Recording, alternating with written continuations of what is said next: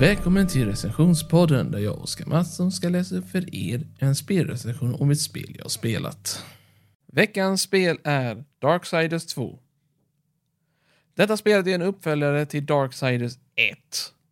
Men eftersom att spelutvecklarna var lite mer annorlunda med speluppsättningen så ändrade de spelstilen till skillnad från förra gången.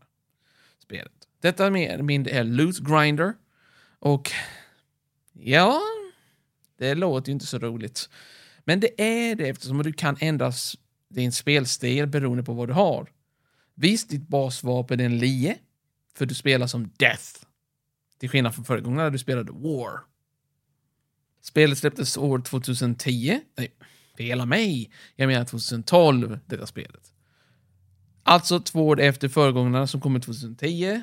Death är äldre brodern till föregångna spelets War. I alla fall.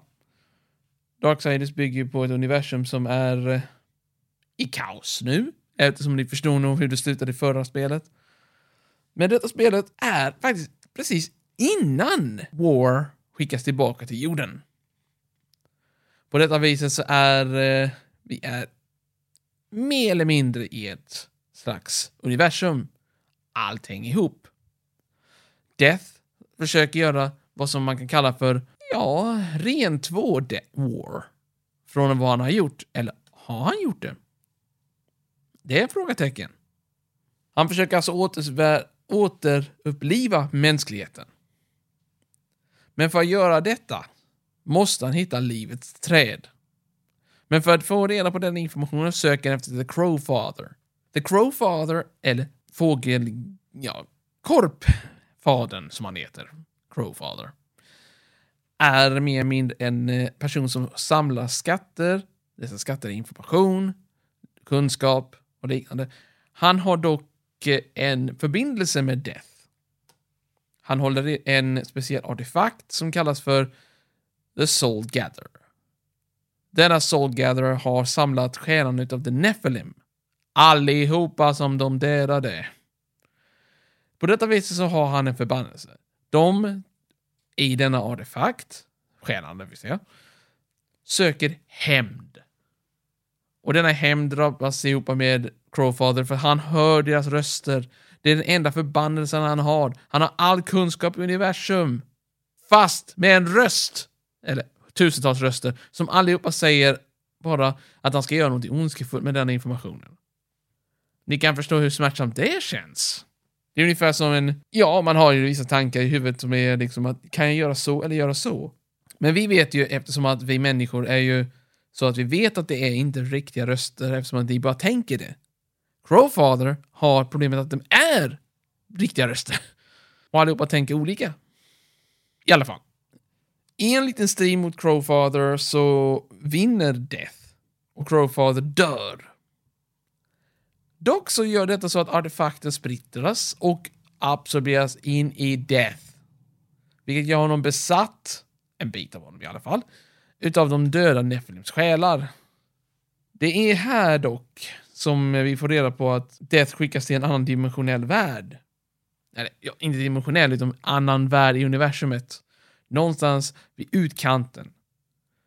Där han möter The Old Ones, eller The Builders som de kallas.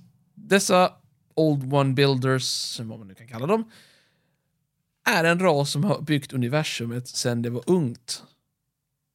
De säger att kaos och liknande, det är en balans. Förstörelse är en balans och liknande. Men det som har hänt dem är att kaoset har fått en form och en slags avatar som leder dem.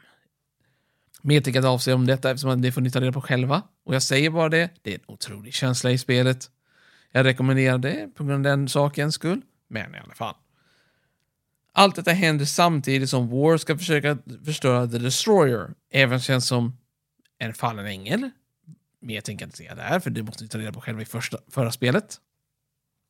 Och eh, medan Death kämpar mot korruptionen som utplånar planet efter planet, värld efter värld och försöker korrumpera alla världarna. Så de måste förstöras, för annars blir de slukade och mer kaos sprider sig. Allt detta fortsätter med att han försöker nå the tree of life, även känd som livets träd. Efter att ha upptäckt ett livets träd så visar det sig att de är kopplade tillsammans i olika världar. En är satt på jorden. En är satt på dödsriket. Kaosriket. Uh, the Builder Worlds. Ja, ni förstår, det är många olika världar ni måste färdas till och göra små uppdrag. En av dem till och med är placerad i själarnas eh, rike. Alltså inte dödens rike, utan själarnas rike. Vilket känns som, oj, är inte det samma sak? Nej, det är stor skillnad. Det ena vaktas av spöken, det andra har skelett. Ni förstår. Lite annorlunda. Men eftersom man vet att Death är en Nephilim så har han ju förmågor som är starkare, förbättrade förmågor än en vanlig människa. Ja, och jag kommer också nämna att denna spelet har till skillnad från föregående spel som inte har DLC, så har denna DLC. DLC som inte är bara soundtrack, utan faktiskt världar. En av dem kallas för den förfallna världen. En av dem kallas för jorden. Ja, du får åka till en viss del på jorden. Gratulerar. Jag menar, hallå. Det finns inte många som lever där, men det finns en person som kallas för Hunter. En människa. En sista människan som han tror. Men mer tänker jag inte avslöja om det, för den, den delen är värde. Du får möta en demon. Det är det sista jag säger. Belial. Men mer får ni ta reda på själva. Tänk inte avslöja för mycket. Pusslerna och upplevelserna är otroliga i detta spel, precis som föregångarna. Men eftersom att den är en förbättring så skulle jag ge detta betyg på detta spelet 8 av 10 istället för 7,5. Det vill säga 8 av 10 för detta spelet. Definitivt. Det finns också en uppgraderad version som innehåller alla DLCer utom en. Denna DLCn var specifikt gjord för inloggningssystem och inloggningssystemet finns inte längre så därför är det Armored borta. Men om du köper Definitive Edition Ja, ni hörde rätt. Death Initive Edition. Så får ni allting. Alla DLC och liknande. Skippa att köpa originalversionen för originalversionen måste du köpa DLC separat. Definitive Edition innehåller allt. Utom soundtrack.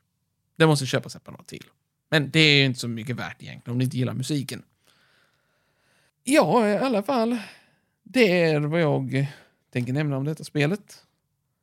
Jag hoppas att ni, ja, njuter av denna recension och att ni fortsätter lyssna på framtida recensioner. Tack för mig. Hej då!